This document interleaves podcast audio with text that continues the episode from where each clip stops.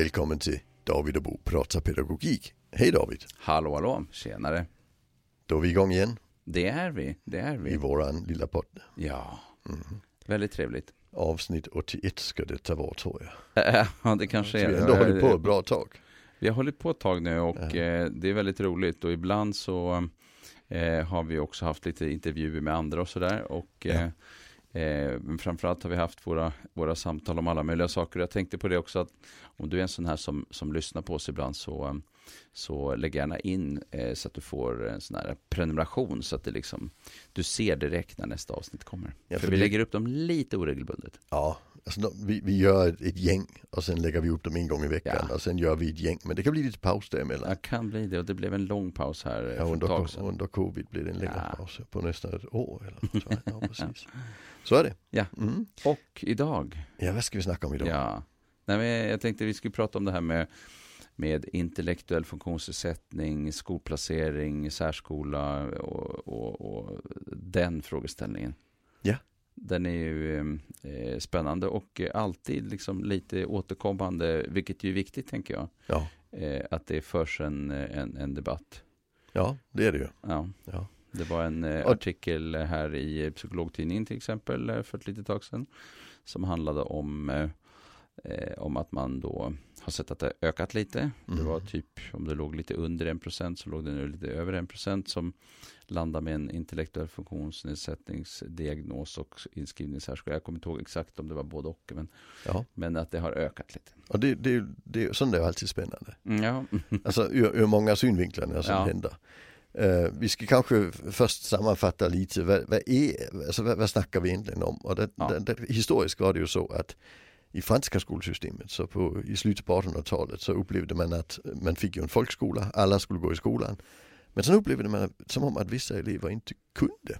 Alltså de, de lärde sig aldrig de det de lyckas skulle. inte på samma sätt som de Nej. flesta. Precis, och, och då så, tog man ju, gav man ju uppdraget till, vad heter han, Binet? Binär, ja. Alfred Binet. Heter Alfred? ja, det var väl Alfred. Jag tror det ja. Att han skulle ta reda på vem det är som det inte är värt att skicka till skolan. Mm. Alltså för de lär sig ändå ingenting. Och sen gjorde, gick han ju ut och gjorde ett sån här liten, uh, tog reda på vad kan åttaåringar, vad kan tioåringar och så vidare. Uh, och, och sen uh, körde han ett väldigt enkelt system. Alltså om vi till exempel har en tioåring som kan det som femåringar kan men inte mer. Då är det IQ 50. Alltså så IQ 50 är halv levnadsålder. Och det systemet var ju gjort bara för barn för det funkar inte på 45-åringar. Nej. Som- Jag kan ungefär lika mycket som, Som 22-åringar. 22,5-åring. Nej, det funkar liksom inte. Men, men på barn så blev IQ-systemet så. Och när man sen började testa så upptäckte man ju detta med att vi hamnade på en, eh, en standardavvikelse som det heter. Mm. På 15. Och så 100 det är liksom index för åldersgruppen. Det var det redan i Benes. Eh, Och idag kallar vi det genomsnitt för åldersgruppen. Ja. Liksom. Och sen har vi en standardavvikelse. Det är den genomsnittliga avvikelsen från genomsnittet. Och det behöver man inte förstå vad det betyder som tur är, eller hur? Den ligger på 15. Eh, och, och när vi säger då intellektuell funktionsnedsättning, det vi kallade utvecklingsstörning tidigare, eller mental retardering, så har vi ju tidigare hållit gränsen på 70. Och det är faktiskt för att det gjorde vi i 1901. Mm, ja. Mm. Så det är ju ett tag sedan att Och det den är kom ju, till kan vi säga. 70 är ju också två standardavvikelser under genomsnittet. Ja. Det vill säga 15 plus 15 blir 30. Ja, och det är precis. 70 då. Ja. 100 minus 30, 70. Och, och, och där är det begåvningar normalt fördelat. Eh, Så vi vet ju faktiskt helt exakt att det är 2,2 procent som hamnar under 70. Och ändå har vi bara 1,2 som får diagnosen. Det är ju spännande. Ja, därför att det är inte enbart det där testresultatet som är betydelsefullt. Sådana här tester som då psykologer gör som eh, kan heta eh, Vipsi när de barn är små och sen när man kommer upp i skolålder så heter de VISK och sen när man är äldre så heter de eh, VICE och så finns det lite olika varianter på det där. Ja, det finns andra test som Ja, och militären såna har ju också alltid haft eh, Ja. ett sätt att testa på. Mm. Ja, absolut. Ja, när jag skulle mönstra i Danmark så fick vi göra början prien-pröven, BPP. Ja, vad var det? Det, det är en fyra deltest där två är speedade så det är lite spännande. Eh, För det innebär att de som kommer från Jylland som jag, vi är lite långsammare än de som kommer från Själland. Så Så ni vi var missgynnade? Ja, precis. Jag har en, en kollega tror jag, som heter Tom Tisdale, han hittade detta resultat och vågar inte presentera det vetenskapligt. Eh, för det, det skulle se ut som att jyllänningar var lite dummare. och det var det inte för att det, alltså, man fick ju... Det var hastighetsrelaterat. Det var, hastighet, ja, det var en, en hastighetsfaktor i två delprov och det har vi ju även i våra Ja, eh, vanliga precis. test. Så, Tiden ja. finns alltid med i vårt samhälle. Ja, så. Det, så det, det, det är inte helt enkelt. Men vi kan säga att vi kan testa med en relativt okej säkerhet idag. Eh, så kan vi väl säga va. Alltså både på barn och vuxna men ju yngre barnet är ju mindre säkert är resultatet. Ja och sen eh, är det alltid så att den som, det är alltid svårt med gräns, eh, Mm. de som hamnar precis på gränsen. Det, det, och Ja. det gäller ju i all diagnostik så är det ju alltid svårast med de som är precis på gränsen. Ja, och i Sverige är mycket, mycket svårare än i andra länder. Därför att i Sverige har vi ju valt att ha två skolformer. Ja, du tänker på just kopplat till IF. Ja, alltså Mm. vi har grund, grundskolan och sen har vi grundsärskolan. Ja, men precis. Eh, och, och, och- det innebär att du, alltså förut, tills ganska nyligen 2015 så var det gränsen ju 70. Mm. Under 70 grundsärskola, över 70 grundskola. Eh, och det, så har man inte i andra länder. Alltså i, i de flesta länder så är det ju barnets behov man tittar på. Det här barnet behöver den här typen av undervisning. I Danmark har vi en sammanhållen skola, alltså det finns ju bara ett skolsystem och en skollag. Men däremot så har vi ju klasser för barn som ligger mellan 80, och, 70 och 80. Vi har klasser för barn som har större svårigheter än, än, än 70 och vi har klasser för barn som har multihandikapp som ligger betydligt lägre. Så, så man har mycket mer differentierat system än bara två skolformer.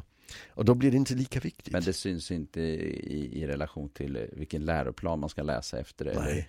vilken byggnad man ska gå in i på samma sätt. Nej, eh, precis inte. Och, eh, alltså vissa specialskolor har ju en egen skola. Eh, alltså till exempel barn, skolor för barn som har multihandikapp behöver ju en, en byggnad som är anpassad på ett annat vis. Och så, så har vi det ju i Sverige också. Tillgänglighetsfrågorna. Ja, det, det, det är inte konstigt. Nej. Eh, men annars alltså, till exempel om man har en, det vi kallar i Danmark en specialklassrad. Där kan man till exempel ha att ja, men vi har den vanliga grundskolan och de har då till exempel fyra klasser på varje nivå. Fyra spår. Och sen är det ett specialspår. Och i det specialspåret kan man till exempel ha barn som behöver lite extra stöd eh, av olika karaktärer. Och på vissa stora skoldistrikt eh, kan man ha ett specialspår för begåvningssvårigheter eh, och ett annat för inlärningssvårigheter kopplat till läsning, till exempel dyslexi och liknande. Så det är, det är oftast en relativt eh, eh, klassisk har det varit väldigt eh, uppdelad i, alltså segregerad i, i, Danmark på det viset. Och där skiljer det sig väldigt åt jämfört med liksom, eh, om vi tittar på den svenska grundskolan där vi ändå har en idé om att alla ska gå och att eh, också särskolan ju är en det är en, en, en rättighetslagstiftning, det är ju inte en skyldighet. Det blir, en, det blir en väldigt stor skillnad. Alltså, Ja. för det innebär att du säger att du, du har inte rätt till, till samma grad av stöd när du har IQ 71 som när du har 69 i Ungefär så. 2012 till exempel. Mm. Ja. Fast eh, egentligen så, så ska det inte vara så. Eh, därför att eh, alla ska ha rätt till det stöd som de har oberoende av diagnos.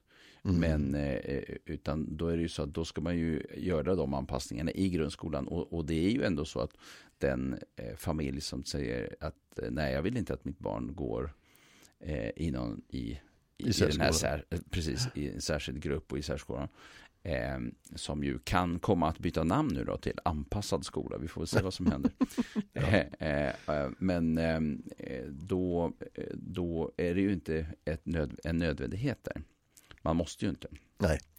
Nej, alltså, ja, vi kan väl säga så att eh, alltså, det, det, det som har blivit med de där rättigheterna det är att framförallt efter kommunaliseringen så är det lätt, lätt 94 eller? Ja, där hade det varit lättare att upprätthålla rättigheter till stöd inom särskolan än inom grundskolan. Ja. Så kan vi väl ändå säga det.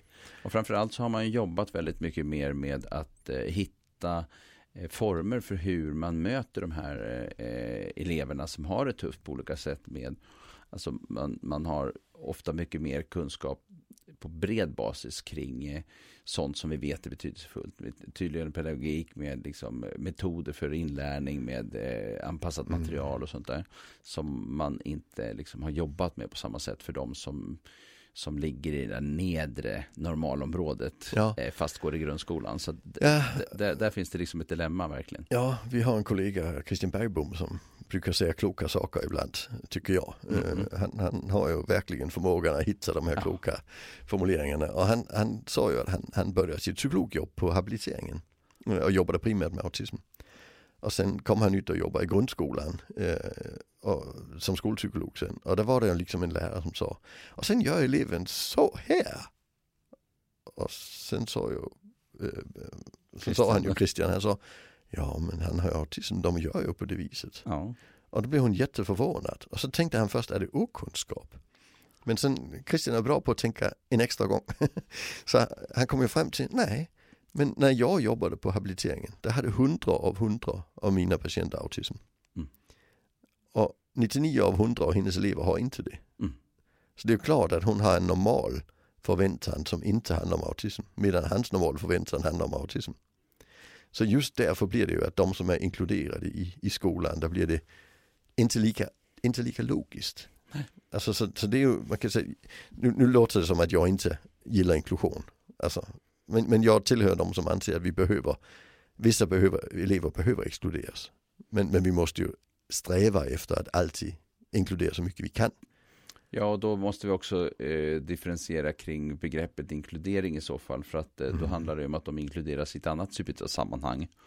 Ja, Och, eh, men, men Vi har ju också, alltså det är svårt Mm. med idén kring inkludering, vad den betyder. För att det- vi har ju den här rumsliga inkluderingen, alla ska gå i samma stora klass till exempel med 30 nej, det, det, elever. det där jag menar, vi behöver exkludera de som inte klarar av miljön det, till det, exempel. det vi ser ja. idag är ju att det är jätte, jättemånga av de här Ja. eleverna som sitter utanför klassrummet med en outbildad assistent eller så. Som, Ja. som, och, det, och, och det är ju en exkludering, men det är ju det är också så att i och med att vi då inte har tillräckligt många mindre undervisningsgrupper så tar man ju inte hand om den här eh, eleven på det Nej. sätt som, som gör att den personen faktiskt hade kunnat få en, en, en upplevelse av inkludering i ett annat sammanhang. Ja, precis.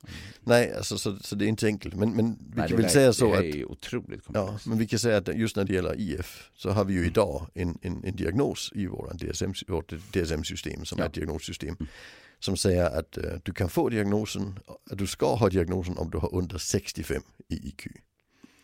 Eh, Ja, under 60, du menar med eh, det som man pratar om då, konfidensintervall på... Nej, nej alltså d- d- egentligen så säger diagnosen ju under 65 alltid IF. Mm. Mellan 65 och 75 så kan du få diagnosen om du har svårt att klara av din vardag. Mm, så ja. Alltså det vi kallar de adaptiva svårigheter. Adaptiva svårigheter. Och över 75 så kan du inte få diagnosen även om du har adaptiva svårigheter. Så det har blivit inte bara det raka 70.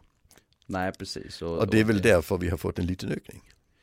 Det kan vara det som har gjort att vi har fått en liten ökning och möjligen också att ehm, eh, skolan är tuff, det är Mm. väldigt höga krav. Det finns en stor oro för hur man ska liksom hjälpa de här eleverna som ligger riktigt, som, som, ligger, som har det väldigt tufft och som ligger just på gränsen. Eh, och eh, eh, där kan det också finnas en ökad benägenhet att eh, sätta en IF-diagnos eh, på en elev där man tidigare kanske hade sagt att eh, nu väntar vi lite ett år och så ser vi hur det går och så sätter vi in insatser och så försöker vi jobba Mm. och den typen av strategi. Man kanske lite Ja, alltså sk- eh, vi hade ju en, en diskussion för tio år Också. sedan eh, Mm. som handlade om att det var två unga herrar i Vellinge kommun som, eh, som fick ett skadestånd eh, för, för att de hade blivit felplacerade i särskolan.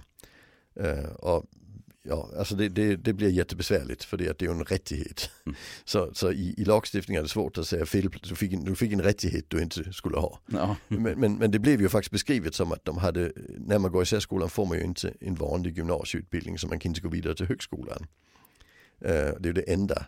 Idag är det faktiskt, in, alltså, det är väl inga andra, jag vet inte riktigt hur det är nu, men, men det har ju i många år varit så att alla andra gymnasieutbildningar var högskoleförberedande. Men inte särskolans eh, Aha, eh, gymnasieutbildning. nej, det, eh, det är ju inte så idag utan Mm. vissa Där, nu har vi fått in- lite, ja, eh, är Ja. inte högskoleförberedande. Nej, Nej. Eh, vilket jag personligen tycker är bra för det är en differentiering i samhället vi behöver kanske. Men, men just där, där, där upplevde de att alla möjligheter blev begränsade. Ja, just precis. Eh, så kan vi säga det. Och, och det var det skadestånd de sen fick. Ja, Eh, och det var miljonskadestånd. Man ska kunna läsa, Mm. läser man på ett program som inte ger automatiskt så ska man alltid kunna läsa till och Ja, ta precis. extra Och- kurser så att man har möjligheter. Ja, så att det inte ska och- finnas de där glastaken. Och det, och det kan man ju inte från särskolan. Nej, särskolan, nej. Eh, vi har en, en, en av våra söner har en, en, en kompis som, som läste särskolan i, Mm. i, hela sin skoltid och sen läste han komvux. Och sen, nu är han civilingenjör. Så han var ju troligen felplacerad. Det, det är ju, eh, de är ju eh, förhoppningsvis också väldigt få. Ja, och, och, i hans fall så vi, vi, vi, kan alltid diskutera om placeringen var rätt eller fel. Alltså, mm. Jag har träffat ett par stycken som honom som sa att det var ändå, det var en, min barndom funkade. Det hade den inte gjort om inte jag hade fått en särskild enhet. Mm. Så vi kan diskutera det, men, men, men, och det fanns alltid vägar för man kan gå komvux så det är bra. Men i alla fall, den diskussion vi hade där för tio år sedan, det var just att eftersom att de här killarna fick det här skadeståndet så började man titta på men, men hur ser det egentligen ut med alla de här utredningarna som har gjort att barnen hamnat ja, där? Precis. Och då var det ju skol, Skolverket som, som gjorde en genomgång. Och, och, en av våra kollegor, Håkan Nyman, han eh, var den som tittade på alla psykologutredningarna. Och han sa ju att psykologutredningarna var i, de var i hög kvalitet, stort sett allihopa. Däremot så fattades det, det var fyra utredningar som skulle till för en särskoleplacering. Det är en medicinsk utredning, en psykologisk utredning, en social utredning och en pedagogisk utredning. Ja, de fyra delarna ja. ska finnas med. Och där, där upplevde han ju att framförallt den sociala och den pedagogiska inte alltid höll samma kvalitet. Mm, mm. Men det var inte det han skulle utreda. Men psykologerna, psykologerna hade gjort jättebra utredningar. Så han upplevde ju att det blev lite orättvist det beskrivet. Att man sa att folk var felplacerade. Eh, för det var inte på grund av att de hade fått en, en IQ som, som inte hade håll i verkligheten. Och där ska man kanske säga att Håkan är väl Sveriges stora Ja, neuropsykolog är han och, ja, och extrem och mästare inom området. Ja, och har varit, eh, alltså det är ju han som står bakom de danska, svenska utgiv, alltså, utgåvorna av Weiss och så vidare liksom. Så han, har, han är ju verkligen specialisten på området ja, mm. och, och åldersmässigt pensionär idag liksom. Mm. Så han har ju verkligen, han är ju en, en, en, en, gigant kan man säga på vårt fält. Så, så det var inte liksom där det hamnade fel. Liksom. Det hamnade fel i, i, i, i handläggningen kan man säga. Barn blev placerade fast psykologen inte ställde diagnoser. Men det blev en åtstramning efter, efter det där faktiskt. Eller det blev ja. liksom att alla kommuner gick igenom och började tänka, gör vi rätt? Och mm. vi måste ha en, en, en, och den där processen fortsätter. Jag ja. handleder skolpsykologer på lite olika håll och eh, man sitter med de här frågeställningarna. Hur ska vi ja. göra vårt system och i vilken ordning? Och, och, ska psykologen göra först och ska de andra haka på sen? Eller ska vi göra det parallellt? Eller hur ska vi liksom ja. se på den här? Då? Plus vi har blivit försiktiga så vi gör oftast en begåvningsutredning och sen sätter vi in pedagogiska åtgärder. Och sen gör vi en till året efter och först då bestämmer vi diagnosen. Jag vet dock inte, jag vet inte om jag håller med, men jag har ingen statistik på det så jag vet inte. Men Nej, jag, jag tycker det, att jag De skolpsykologer att... jag utreder brukar jobba på det viset. Men mm. det är ju lite, det är lite olika vem man utreder vem man handleder. De jag handleder, de, då är det så man jobbar. Ja, och jag, jag tänker att eh, man ska vara noggrann. Mm. Och jag tror att det är, är, problematiskt om man är för rask. Jag tror att det kommer att bita oss i svansen om vi får för många sådana här eh, fall där folk tycker att det här det här blir fel och det här stämmer inte. Och, så där. För, och det är ju framförallt de här som väger, som, som, där man liksom ja. tar in alla olika bedömningar. Ja, vi de har, är svåra. Ja, och även barn som har, är nya i Sverige. Ja, precis. Och, där där, vi, där och, har vi ja, Det är ju en stor utmaning. Jättesvåra bedömningar Jättesvåra. att göra. I vissa fall. Ja. In, inte i andra nej, fall är det ju väldigt enkelt. Nej, men det är ju alltid de, det är återigen mm. de där som är på gränsen. Gräns, gränsfallen. Men ja, att veta vad som är vad. Ja. ja. Mm. Och, och, och, det är klart det är en etik i hur vi gör. Men, men jag tycker det är viktigt att säga att etiken går åt båda hållen. Det, alltså, ett barn som har en rättighet till särskola som förvägras därför att vi inte väljer att ställa diagnosen blir också besvärligt. Mm. Så det, det, är inte lätt. Nej det är det inte och det är mm. många faktorer också för att eh, ibland är det föräldrar som absolut inte vill ja. eh, in i den här processen. Så att eh, vi har ju vi har ju helt klart definitivt också en underdiagnostisering. Även om det finns ändå från vissa håll då en oro över, att, över ökningen. Så ja. är det ju också många som eh, vi vet ligger eh, alltså, lågt. Alltså rent statistiskt är det så att i våra normeringar så är det 2,2 procent som ligger under om man, och ibland så brukar man säga, ja precis, enligt mm. Eh, de där eh, två standardvikerna. Eh, men, eh, och ändå är det 1,2 procent som får diagnosen. Så ja, det, det tyder ju på en kraftfull under, under diagnostik. Ja, äntligen. men det beror på om man stoppar in den här adaptiva delarna också då. För ja. de ska ju också vara med. Men sen, tidigare har man ju ofta sagt att det är någonstans 1-2 procent. Så det är ju den här lurigheten i liksom mm. vad är vad. För att det finns ju inga exakta, vi har ju ingen exakt siffra liksom. Nej. 1,19 eller 1,58 liksom. Det finns ju ingen sånt. Utan det, är ju, det gäller ju all, all diagnostik egentligen. Ja. Är ju inom någon slags uh, ja, ramar. För det är det är också kopplat till eh, till hur man gör den här forskningen också. Var, var Ja. befinner man sig? I, om, Jo, och sen förhåller vi oss till när vi, när vi, om vi får ett resultat på till exempel 71 Mm.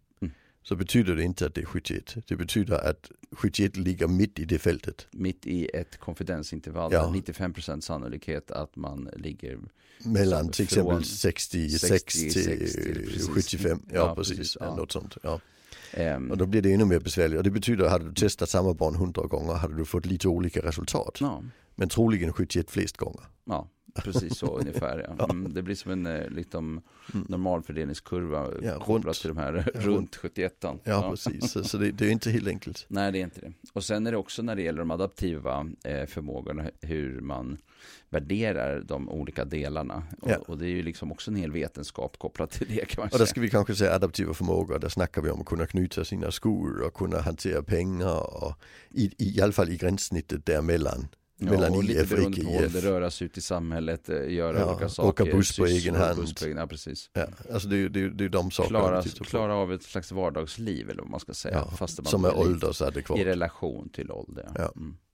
Och då brukar man ju, för den som inte är insatt, eh, eh, då både fråga föräldrar och till exempel skolpersonal Ja, eh, om det. För, för det kan vara lite olika. Man kan få lite vilka- olika värden Ja, eh, förstås. Mm. Mm. Och sen ska det göras en helhetsbedömning. Och där Mm. kan man ju säga att psykologen är ju helt ensam i, i, i slutändan i det. Visst, man kan ha stöd och handledning och support av sina kollegor och annat. Liksom. Men i Mm. slutändan så är man i, i beslutsfattandet så är man i slutändan helt Ja. väldigt själv Ja. i, den, i det. Och, och, och det är ju när, när vi väl har ett resultat som är någorlunda jämnt. Mm. Uh, alltså sen har vi ju barn som är jätteduktiga på något och jättedåliga på annat. Ja. De samlat hamnar på.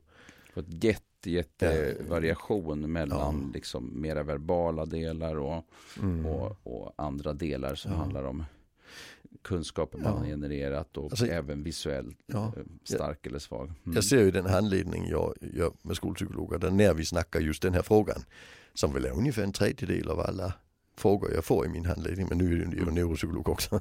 Eh, men, men där skulle jag säga att där, där är det ju just för att vi har en variation för bar, inom barnet. Mm. Där vi har eh, kanske ett, alltså ett deltest som avviker positivt. Det blir jätteknöligt när han plötsligt hamnar i normalområdet men bara på ett deltest av tio. Liksom. Ja, precis. Alltså, så, så vi har ju lite metoder för att, att, att, att försöka förstå den statistiken. Eh, och idag så brukar vi ju säga att, att en avvikelse är ingen avvikelse. Två avvikelser är kanske en avvikelse. Tre är en avvikelse. Alltså, så, för, för det kan vara alla möjliga felkällor som går in i våra test. Och där använder man ju ibland att man eh, använder sig av fler tester för att eh, Ja. säkra upp sitt resultat så att man har lite flera eh, Ja. sådana När, när, ingångar. när det blir besvärligt, när det Mm. ligger just i gränssnittet. Och jag tycker det, det är kanske därför vi, jag gillar inte de här, alltså att, jag tycker det, jag tycker lite korkat att vi har den här tydliga gränsen. För då kommer vi att få de här gränsdragningsfrågorna. Alltså det, blir, det blir besvärligt. Ja. Dessutom så ska man dela upp den i fyra olika kategorier när man väl har bestämt sig för om det är IF.